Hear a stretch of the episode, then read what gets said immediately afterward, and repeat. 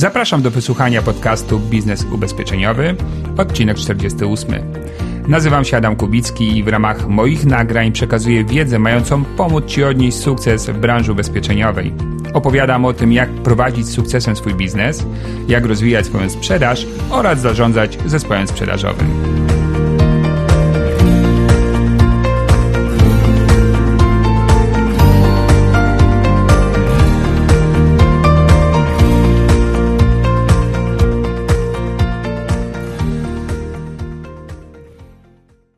Dzień dobry, dzień dobry. Witam Cię serdecznie w kolejnym odcinku podcastu Biznes Ubezpieczeniowy.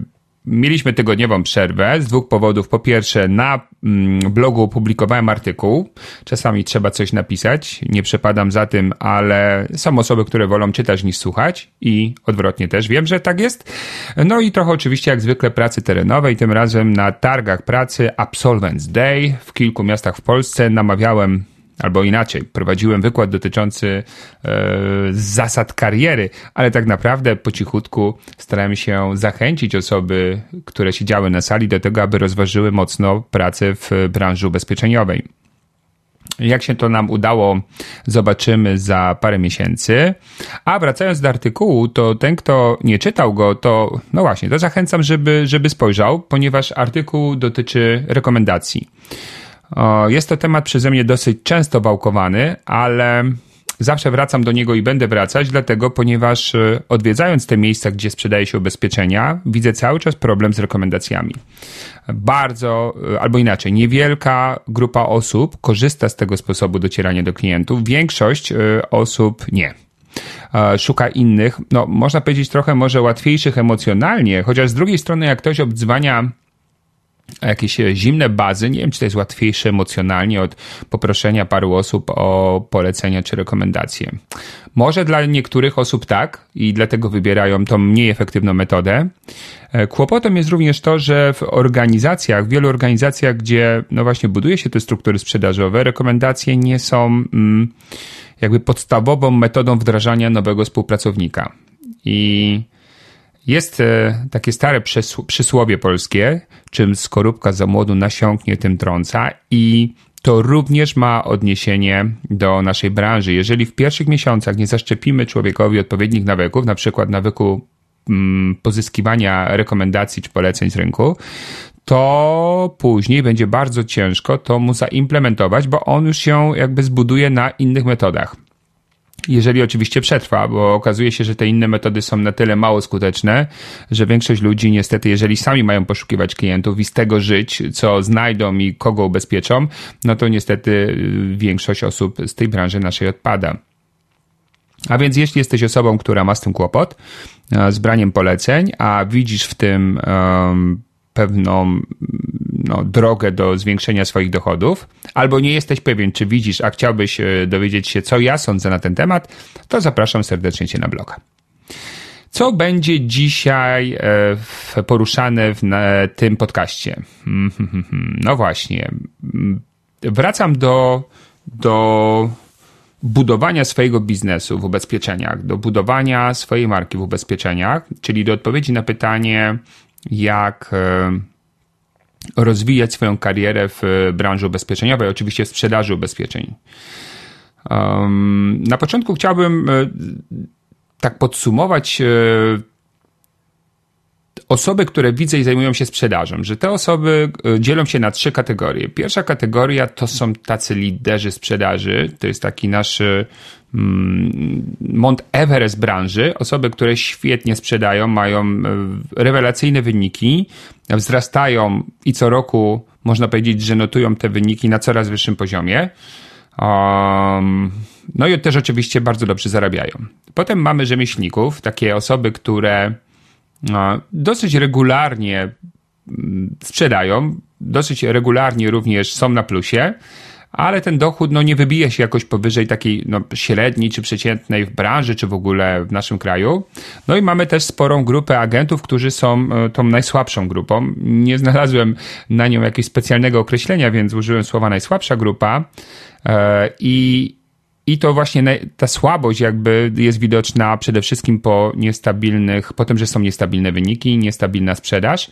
Czasami to oczywiście jest powodem tego, że ta osoba nie do końca nadaje się do tego zawodu, a czasami dlatego, że ten, kto jej pomaga się rozwijać, e, miejsce, w którym pracuje, no właśnie, nie daje jej tego, co ona by potrzebowała, aby przejść na wyższy mm, poziom. Czyli mamy te trzy kategorie: liderzy, rzemieślnicy, rzemieślnicy i najsłabsi. No i oczywiście każdy z e, osób, e, które są w tej branży, no mógłby się spokojnie sobie odpowiedzieć na pytanie, w której grupie jestem.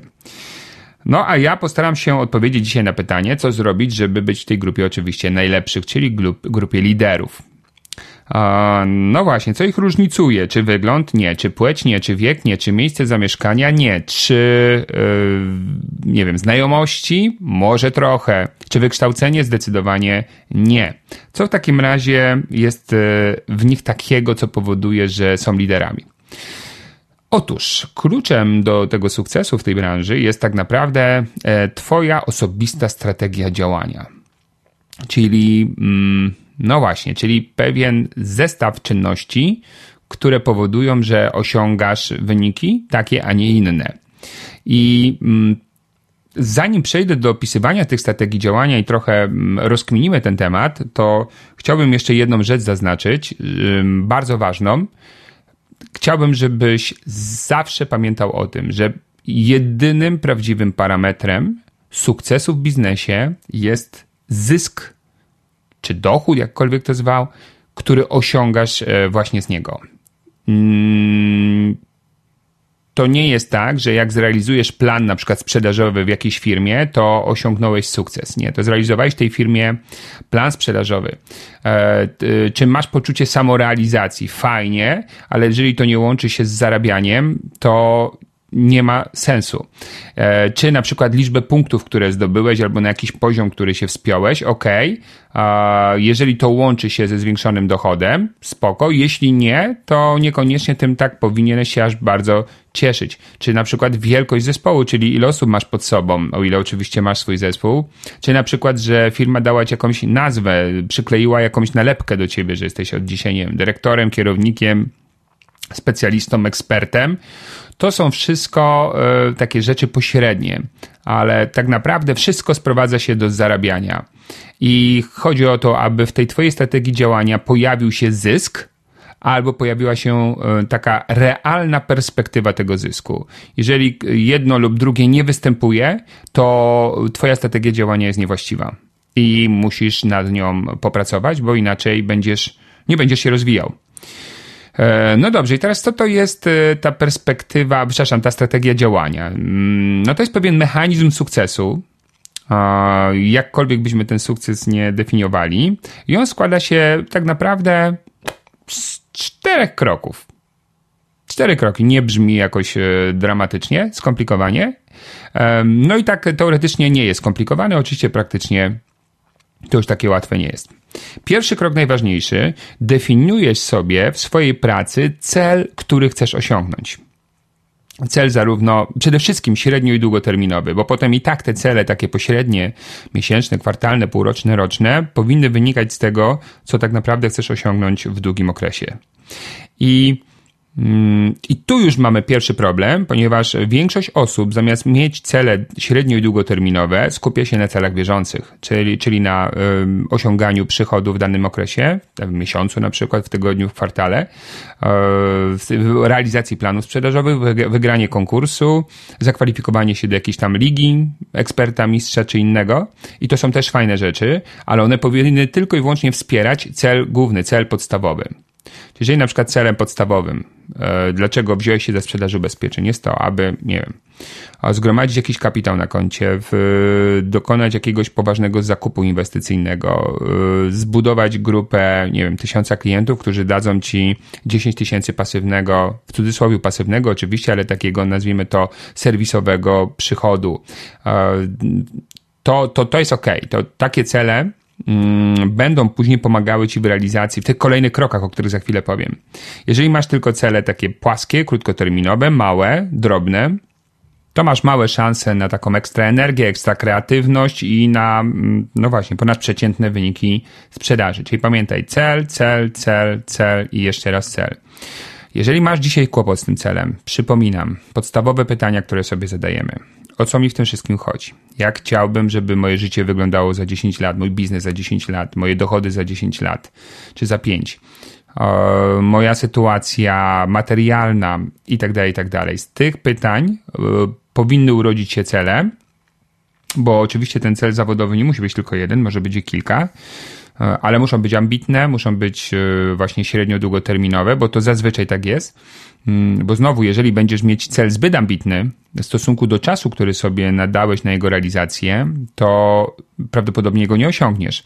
A wtedy, jak go nie osiągniesz, to nauczysz swój mózg tego, że nie ma sensu stawiać sobie celu, bo się i tak je nie realizuje. Czyli tak jak Bodo yy, kiedyś Schaefer powiedział, że nie ma nierealnych celów, są tylko nierealne terminy ich realizacji, no to właśnie tutaj o to chodzi, żeby sobie wyznaczyć cel, który y, w, ma pewną dalszą perspektywę, ale przez to, że jest ambitny i mam dalszą perspektywę, to mam sporo czasu, żeby go osiągnąć, czyli ja bardziej będę wierzył w to, że ja mogę go osiągnąć. Jeśli już miałeś taką sytuację, że nie udało ci się zrealizować celu, to zadaj sobie pytanie właśnie, czy nie było to, powodem tego nie było to, że chciałeś tą realizację zamknąć w jakimś czasie krótszym niż tak naprawdę powinieneś założyć, a potem zrezygnowałeś zupełnie. No dobrze, kiedy ja już mam zdefiniowany cel, konkretny cel biznesowy, to drugim krokiem jest stworzenie planu działania. Czyli siadam sobie, biorę kartkę papieru i rozpisuję sobie moje podstawowe aktywności, czyli co ja będę robił, żeby ten cel osiągnąć. W tym planie działania oczywiście nie definiuję sobie tylko aktywności, ale też ich częstotliwość, czy wielkość działania, czy długość tego działania, ilość tego działania, czyli wprowadzam sobie jakieś takie bardzo konkretne parametry. Czyli na przykład będę dodzwonił do x klientów dziennie, bo wtedy prawdopodobnie mm, przy takiej aktywności zapnę taką sprzedaż, zapnę taki dochód, z którego, nie wiem, mm, oszczędzę tyle, co mi da po 10 latach na przykład taki, taki kapitał. I e, i ten plan działania, no właśnie, może być e, oparty na różnych aktywnościach, bo masz różne alternatywne ścieżki postępowania. Możesz e, zrobić coś w taki sposób, w taki, w taki. Możesz na przykład, nie wiem, odwiedzać klientów e, w kontakcie bezpośrednim, możesz dzwonić na zimno, możesz brać polecenia, możesz, nie wiem, pisać posty w internecie, albo cokolwiek jeździć na konferencje, żeby szukać tych klientów, cokolwiek tam wymyślisz, może być w tym planie działania. No, prawdopodobnie nie wszystko naraz, tylko właśnie wybierzesz sobie pewne e, takie aktywności, no pewnie e, zgodne z Twoimi preferencjami, tak bym to określił. No i teraz, kiedy masz już cel i plan działania, masz trzeci krok, trzecią fazę i w tej fazie po prostu działasz. Czyli wykonujesz ten plan. No i tu oczywiście pojawiają się problemy, ponieważ e, plan to jedno, działanie drugie i okazuje się, że bardzo duża grupa nie wiem ile procent, niech będzie zgodnie z Pareto 80, nie realizuje swojego planu działania. Nie to, że nie realizuje całkowicie, tylko nie realizuje w jakiejś części. Na przykład robi to za rzadko, co miał robić, czy miała, albo robi to nie tak, jak powinien do końca. Coś po prostu tam zgrzyta. Jeżeli tutaj mamy kłopot, to pamiętaj, że mm, sprawa jest bardzo prosta nie ma co tutaj deliberować. Jeżeli nie realizuje swojego planu działania, to tylko i wyłącznie z jednego powodu. W tym planie działania są czynności, których wykonywanie nie jest y, czystą przyjemnością. Jakoś cię obciążają. Są nudne, żmudne, y, są denerwujące, są, y, nie wiem, wyzwaniem, cokolwiek. Więc masz opór, więc nie działasz. I teraz, żeby pokonać ten opór, o, musi znaleźć motywację. A co jest motywacją prawdziwą? Czy źródłem motywacji prawdziwej? No i znowu wracamy, cel. Czyli jeżeli masz prawdziwy cel i naprawdę ci na nim zależy, to będziesz działał. Jeżeli nie, to wróć do celu i zadaj sobie pytanie, czy nie jest wymyślone na siłę. Bo słuchałem podcast Kubickiego i tam mówił, że trzeba mieć cel, więc się napaliłem na, w cudzysłowie, na jakiś cel, zdefiniowałem, ale potem okazuje się w tej mojej codzienności, że zaczynam sobie odpuszczać te działania. Jeżeli odpuszczam, to tylko i wyłącznie dlatego, że ten cel nie jest do końca prawdziwy, więc nie motywuje mnie wystarczająco, żeby pokonywać moje opory, niechęci i lenistwo. Więc co trzeba zrobić? Znowu zastanowić się nad celem. Jeżeli okaże się, że nie masz pomysłu na cel, który by cię naprawdę motywował, ła, no to jesteś w trudnej sytuacji, ponieważ mimo tego, że od tylu lat zajmuję się branżą ubezpieczeniową i rozwojem osobistym, to powiem Ci teraz bardzo szczerze, nie mam najmniejszego pomysłu, jak pomóc takiej osobie, która nie ma do czego dążyć, a z drugiej strony chciałaby do czegoś dążyć. Nie mam, nie mam pomysłu. E, pracuję z e, ludźmi, widzę tak, takie symptomy bardzo często. Staram się im pomóc, zadaję pytania, rozmawiamy i tak dalej, i tak dalej. Mija miesiąc, dwa, trzy, cztery, pięć. Najczęściej nie widzę żadnej zmiany. Trochę frustrujące, bo mm, uczono nas tak i w coachingu, i w, właśnie w tych różnych e, źródłach związanych z rozwojem osobistym, że każdemu da się pomóc, każdy może się rozwinąć, skrzydła i tak dalej, i tak dalej, zwłaszcza jak chce, no bo musi chcieć na początek. No a okazuje się, że to nie jest takie proste, że mamy osoby, które niby chcą, ale potem i tak jakoś e, to życie je, ich zamiata i, i tracą ten cel z tego celownika, mogę powiedzieć, tak? i, no i po prostu gdzieś zaniedbują ten swój plan działania. Więc jeszcze raz, jeżeli nie działasz tak jak powinieneś, jak planowałeś, wróć do kwestii celu. Czasami po dób w planie działania, może dałeś sobie tam zbyt trudne, zbyt ambitne pomysły na to działanie i trzeba po prostu znaleźć inne metody. I teraz to, co powiem, yy, to jest mega istotne. Pierwszy krok cel, drugi plan działania, trzeci krok działanie i czwarty krok który często jest zaniedbywany, może z braku świadomości, to tak zwane punkty kontrolne. Czyli musisz sobie ustawić w kalendarzu mm, taki moment, e, w którym ty usiądziesz i podsumujesz swoje dotychczasowe działanie i zadasz sobie pytanie, czy mój plan działania e, jakby przynosi to, co zakładałem, czy jest efektywny. Jeżeli nie jest efektywny, wracasz do planu działania i dokonujesz w nim zmian. Jeżeli nie masz pomysłu, co tam można byłoby zmienić, znajdujesz kogoś, kto jest mądrzejszy od ciebie i powie ci, co tam ma być w tym planie działania. I znowu działasz, znowu masz punkt kontrolny i zadaj sobie pytanie, czy jest ok. Jeśli nie jest ok, zmieniasz plan działania i tak długo jakby chodzisz w, kółku, w to kółko, tak, jak w tym chomik w kółku, aż w końcu odnajdziesz e, ten sposób, który przybliża cię do twojego celu. I teraz czego nie wolno ci zrobić? Nie wolno ci zrezygnować z celu. Bo co się okazuje, że często osoby zamiast zmienić plan działania, rezygnują z celu i z całej tej ścieżki swojego rozwoju zawodowego. Czasami to oczywiście, mm, bo ta strategia czteroetapowa działa też i w życiu, w życiu prywatnym, tak, w różnych naszych e, celach prywatnych, no ale dzisiaj skupiamy się na biznesie. Rezygnują z celu. I to jest błąd. Po prostu trzeba znaleźć inny sposób na to, co mogę zrobić, żeby ten cel osiągnąć. I punkty, brak punktów kontrolnych co powoduje? Może spowodować, że działasz w nieefektywny sposób, ale dalej działasz, ponieważ budujesz sobie nawyk działania, albo po prostu nie łapiesz refleksji, że to nie przynosi ci efektu takiego zakładanego, albo co jeszcze gorsza, liczysz, że kiedyś zacznie przynosić. No i mój drogi, jeżeli już dzisiaj, nie wiem, przez kwartał wykonywałeś jakąś metodę i miałeś, nie wiem, y, x prób i to nie przyniosło efektu, to co miałoby się na świecie wydarzyć, żeby pewnego dnia zaczęło ten efekt przynosić? No, prawdopodobnie trzeba byłoby rozpylić jakiś specjalny gaz, który zmieni e, postrzeganie rzeczywistości Twoich klientów i e, spowoduje to, że Twoja metoda zacznie działać. Ja tego gazu nie mam, kupić go na Allegro prawdopodobnie nie można, więc e, mamy problem. Skąd wiem, że to jest e, problematyczne? No, wyobraź sobie, że jestem osobą, która popełniła te wszystkie błędy, o których teraz opowiadamy sobie. Także i byłem osobą, która nie miała celu, byłem osobą, która miała cel nieprawdziwy, Byłem osobą, która miała cel, ale za krótko sobie ustawiłem jego realizację. Zresztą to cały czas mi się zdarza. E, I zdecydowanie byłem osobą, która nie e, wprowadzała w kalendarz punktów kontrolnych. E, to nawet pamiętam na początku swojej, nazwijmy to szumnie, kariery zawodowej, kiedy budowałem struktury w tej mojej pierwszej firmie w branży i tam w szczycie było naprawdę z 200 osób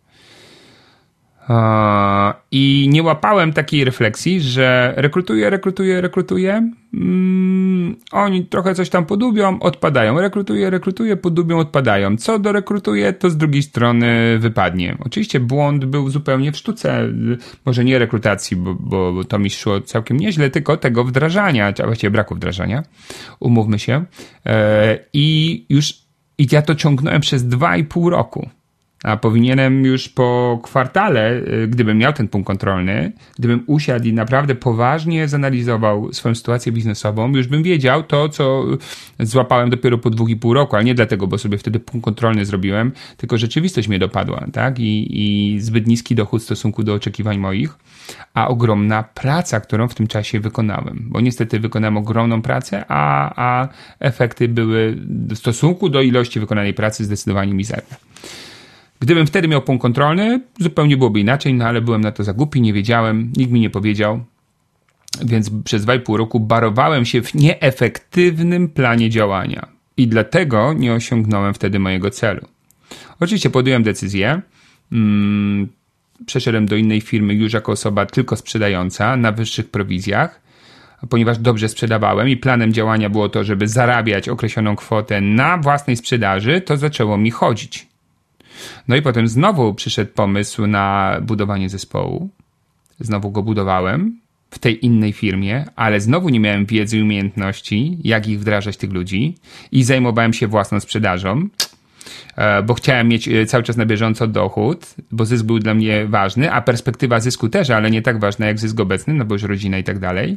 I co się działo? Mało czasu, e, brak dobrej wiedzy dotyczącej wdrażania ludzi, powodował, że nie było efektów z tego zespołu zakładanych i znowu dubałem.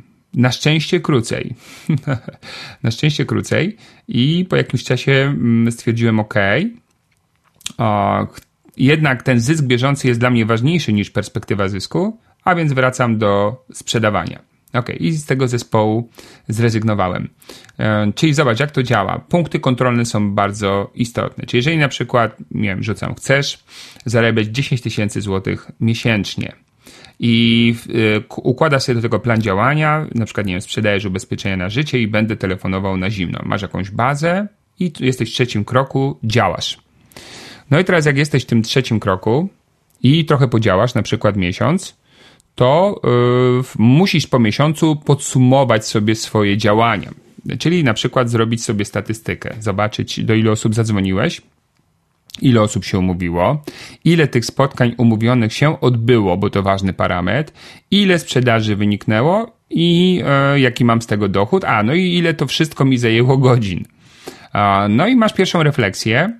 Jeżeli ta refleksja jest y, taka, że klops nie działa tak jak powinno, no to pamiętasz co robisz. Wracasz do e, planu działania i zadajesz sobie pytanie, ok, jak mogę robić to inaczej niż do tej pory? Co w tym planie działania zmienić? No i może wpadniesz na pomysł, że y, nie wiem, będziesz chciał e, e, bardziej efektywnie rozmawiać przez telefon, czyli nie wiem, odnajdziesz jakieś kursy, E, dotyczące telefonowania na zimno. Mm, przejdziesz te kursy, zmieni sposób działania, minie miesiąc i znowu e, robisz sobie podsumowanie. Jak się okaże, że wszystko jest ok, zaczyna się sklejać i 10 tysięcy pojawia się na koncie, spoko. I jeśli nie, zadaj sobie pytanie, dlaczego, co się dzieje. Ok, czasami to jest kwestia perspektywa zysku, czyli 10 tysięcy nie po miesiącu, tylko na przykład po kwartale, po pół roku, bo w ubezpieczeniach na życie klienci dojrzewają, więc nie wszystko się tak łatwo, szybko zamyka, więc dajesz sobie parę miesięcy, e, ale mimo wszystko już po drodze analizuj jeżeli się okaże, że statystyka jest dramatyczna i prawdopodobieństwo tej perspektywy zysku jest też niewielkie, zmieniaj plan działania. Bo pamiętaj, działanie nieefektywne, dalej utrzymywane, nie spowoduje osiągnięcia celu przez ciebie, ale spowoduje obniżenie twojej motywacji, zniechęcenie, a to jest już bardzo y, niebezpieczna emocja, bo to już jest pierwsza, pierwsza emocja, może inaczej, pierwszy krok na drodze do rezygnacji.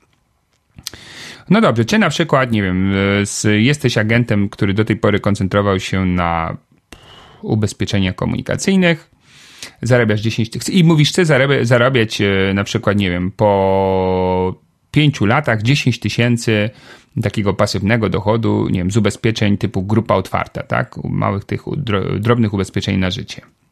OK, masz taki, no i twój plan działania, to jest cel, tak? Plan działania każdego klienta majątkowego. Będę dawał mu, nie wiem, ulotkę i będę go za, zagadywał w odpowiedni sposób i, i zachęcał do zakupu. Dobra, zaczynasz działać, mija miesiąc, zrób sobie podsumowanie. po pierwsze, czy w ogóle wykonywałem swój plan działania. Jeśli nie, to wróć do celu, czy na pewno zależy ci na tym dodatkowym dochodzie. Może to jest po prostu tylko tak wymyślone. Jeśli zależy i działałeś, no to popatrz na statystyki. Jeśli statystyki są słabe, no to zadaj sobie pytanie, co zmienić w planie działania. Być może sposób, w jaki to robię, nie jest efektywny. Muszę znaleźć inny sposób. Być może zmienić ulotkę, być może coś tam jeszcze, ale cały czas um, dłubiesz w tym planie działania, tak aż e, punkty kontrolne pokażą ci, że biznes zaczyna się spinać. I wtedy mówisz, OK, to już po prostu działam dalej cierpliwie, bo te kilka lat muszę podziałać, żeby ten cel osiągnąć. Czy na przykład mam cel 10 tysięcy, chcę zarabiać z pracy mojego zespołu. Super. Mój plan działania to na przykład, nie wiem, zakup, kupowanie CV, i spotykanie się z tymi ludźmi, no i potem dawanie im narzędzi i tam jakaś, jakiś proces wdrażania. Dobra, fajnie. No to mija miesiąc, dwa, trzy, robisz punkt kontrolny. Zadaj sobie pytanie. Pierwsze, czy w kontekście rekrutacji to, co robię, przynosi efekty? Czy ilość godzin, które poświęciłem na rekrutację w porównaniu do liczby jakościowych kandydatów, y, czy mnie zadowala? Jeśli tak, spoko. Jeśli nie, zadaję sobie pytanie, co mogę zmienić w swoim planie działania? Jak inaczej to zrobić? No i jak odnajdziesz ten sposób, działasz. Um, no i tak samo z wdrażaniem. No i zobacz, i tak to działa. Cztery kroki. Cel, plan działania, działanie, punkty kontrolne. Proste, prawda? Oczywiście proste w teorii, w praktyce co jest trudne? Trudne są dwie rzeczy, znaleźć, e, zbudować fajny plan działania i zmotywować się do jego realizacji. No i tu na tym e, wywracamy się, ale e, często, ale to wiecie, to jest tak, to wywracanie się nie jest żadnym problemem większym, bo jeżeli wywracasz się, wstajesz i znowu próbujesz, to w końcu wcześniej czy później mm, ta determinacja będzie na tyle już duża, że, że się uda. Najgorzej jak się wywraca i nie wstaje, mówi, dobra, to już tam rezygnuję i szukam czegoś łatwiejszego, nie będę teraz bitcoiny inwestował. No to wtedy już jest faktycznie lipa. A jeszcze gorzej, niektórzy nawet y, tego, tych czterech kroków nie mają. Tak sobie działają i bez celu jakiegoś specjalnego, i bez jakiegoś specjalnego planu działania, i przyjdą sobie do biura, i zrobią sobie herbatkę czy kawkę, i odpalą sobie laptopa, i coś tam poczytają, i gdzieś zadzwonią, i z kimś pogadają, i sobie coś zjedzą w kuchni. Rany, Julek, no to z taką strategią działania, wow, no to naprawdę daleko nie zajedziemy. Mm. Okej. Okay. E, przejdźmy teraz do, do strategii liderów. Czyli um, chciałbym Ci przedstawić takie cztery strategie działania, czyli te elementy planu działania liderów na rynku. Um, oczywiście mówiąc rynek mam na imię, na, mam na myśli sprzedaż e, ubezpieczeń, na imię mam Adam.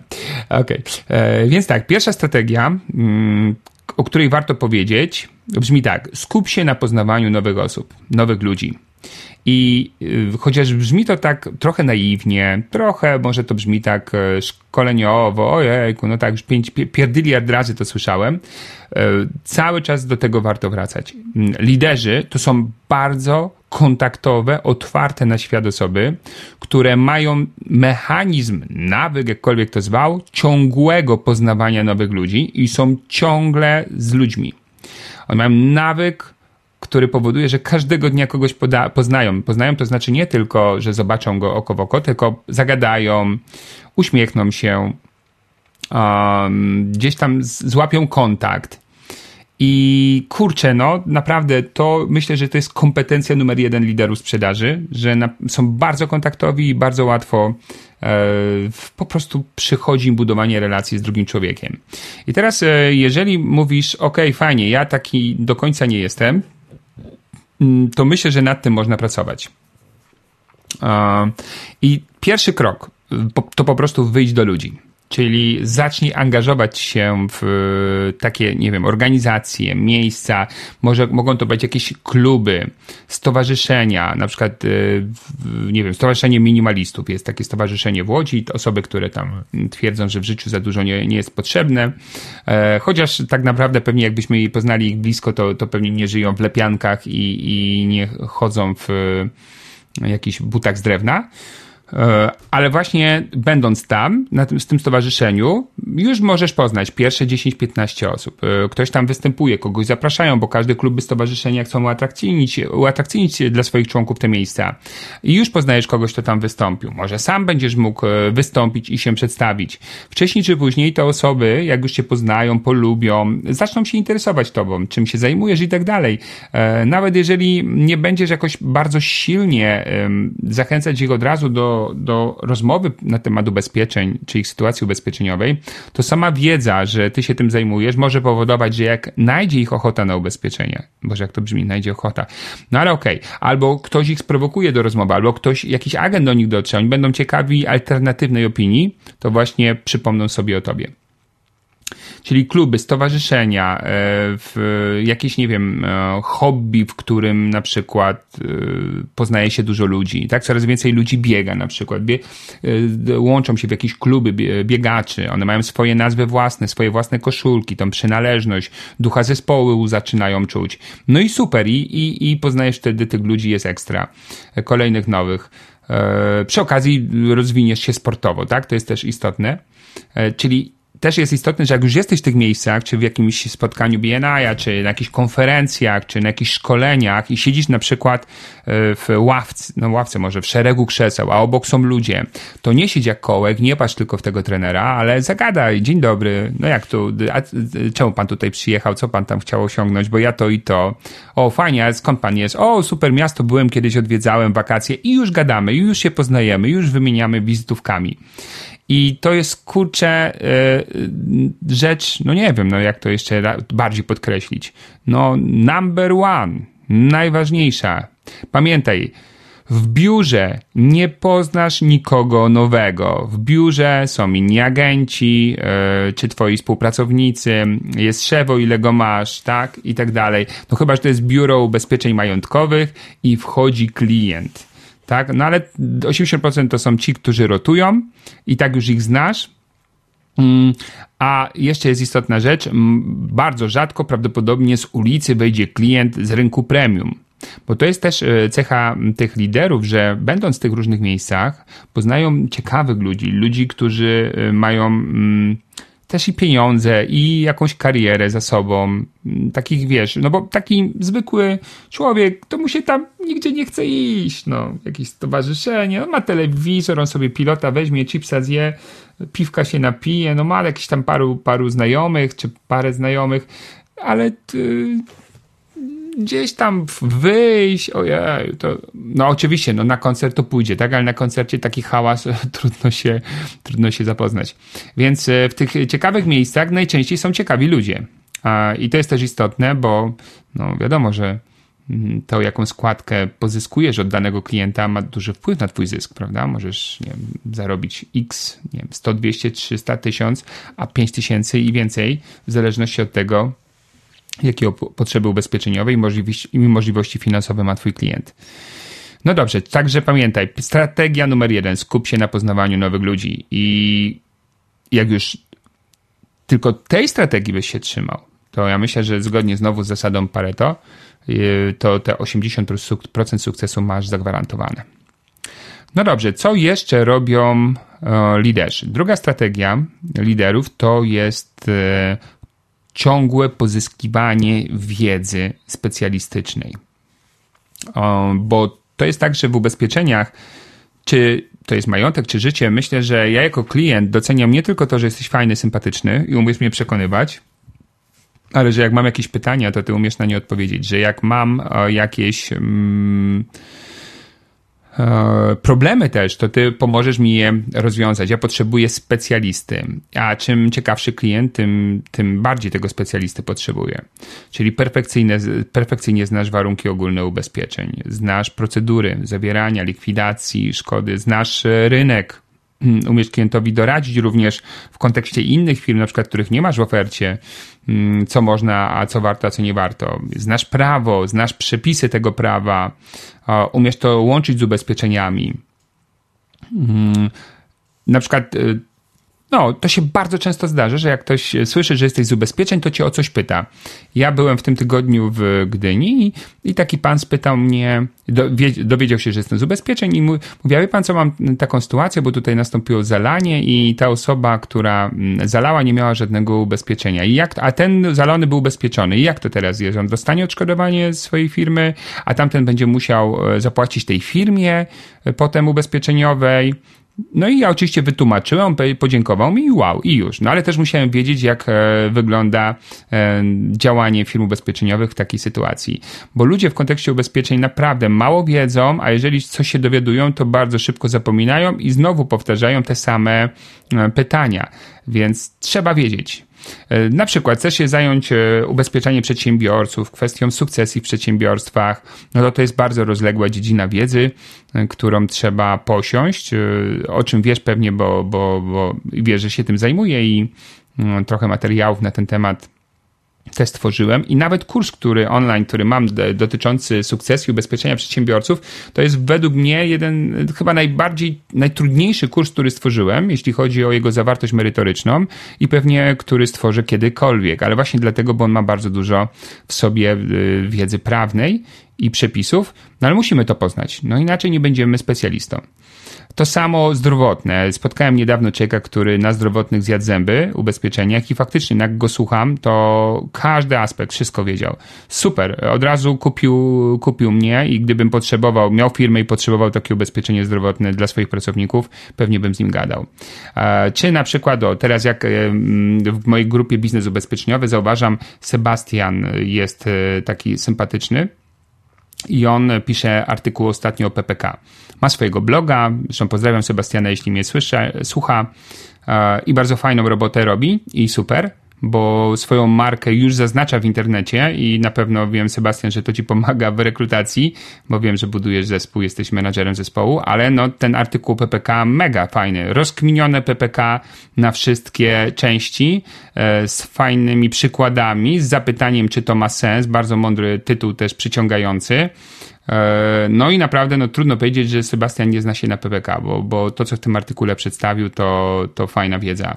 I oczywiście od razu też wzrasta jego, um, może nie tyle prestiż, bo to ze słowo, ale w momencie, kiedy jestem klientem i znajdę jego artykuł w internecie, wow, no to będę mm, bardziej ufał mu jako specjaliście, tak, niż innej osobie, która, mnie, która mi tej wiedzy po prostu nie pokaże. Także jest, każda dziedzina ubezpieczeń wymaga jakiejś wiedzy specjalistycznej, czy ubezpieczenie flot, czy jest bardzo dużo nietypowych ubezpieczeń e, majątkowych, czy osobowych i to wszystko wymaga, i ludzie mają mnóstwo pytań, więc czym więcej wiesz, tym, e, tym lepszy biznes potem będziesz robił, bo ludzie będą do ciebie wracali, cię rekomendowali. Także wiedza specjalistyczna to jest oczywiście cecha większości liderów, jeśli nie wszystkich. Oni inwestują czas, energię i faktycznie się tego uczą. No dobrze.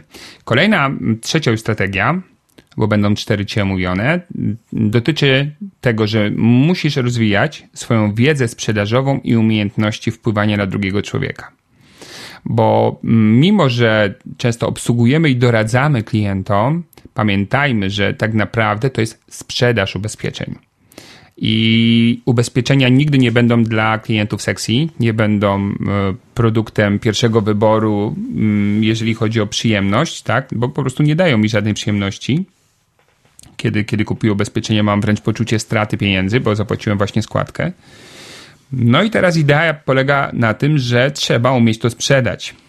I to nie jest tak, że ty się urodziłeś, czy ktokolwiek z wiedzą sprzedażową i umiejętnościami wpływania. Możesz mieć predyspozycję, ale większość liderów to są osoby wyszkolone. To są osoby, które po prostu przeszły szereg szkoleń, które cały czas coś czytają na temat sprzedaży, na temat psychologii komunikacji, umiejętności wpływania i, i, i nawet niedawno rozmawiałem z osobą, która trochę w innej branży yy, zajmuje się no, promocją pewnej marki wśród osób, które mogą je oferować klientom. I, I zadzwoniła do mnie i mówi: Adam, mam problem, bo te osoby nie wiedzą, jak to sprzedawać. Mówię: A ty wiesz? No też nie. No właśnie, a ile książek o sprzedaży przeczytałaś w tym roku? No żadnej. Na ilu szkoleniach o sprzedaży byłaś? No żad, na żadnym. Czyli zobacz, masz dobry produkt, masz ludzi, masz rynek, ale brak umiejętności sprzedaży co spowoduje? Że nawet jeżeli te osoby spróbują i parę razy um, jakąś aktywność wykonają, to prawdopodobnie im się nie uda. Jak się nie uda, to co zapamiętają? Że to jest trudne, że tego się nie da osiągnąć. No i lipa. To jest tak jak na przykład, nie wiem, no próba wdrożenia ubezpieczeń na życie w sprzedaży w miejscu, gdzie sprzedaje się ubezpieczenia majątkowe. Jeżeli ta osoba nie będzie dobrze nauczona tego, jak prowadzić rozmowę z klientem, nie będzie miała odpowiednich narzędzi, to nawet jeśli spróbuje, najczęściej yy, nie udaje się sprzedać. A jak jej się nie uda, no to powie, to ja chromolę te ubezpieczenia na życie. To ja wolę sprzedawać majątek, jest łatwiej i, i, i tyle. No i oczywiście na rynku tak się niestety często dzieje. I w tej wiedzy, mm, bo po co nam jest potrzebna ta wiedza sprzedażowa? No na przykład y, po, po, pokażę Ci kilka obszarów. Przekonujemy, kiedy klient ma zastrzeżenia. Czyli klient ma zastrzeżenia, ma obiekcje. Jeżeli nie masz odpowiednich technik, umiejętności, to go nie przekonasz. To albo wręcz przeciwnie, to go nie zniechęci, zniechęcisz, bo będziesz niewłaściwie te zastrzeżenia mm, obsługiwać.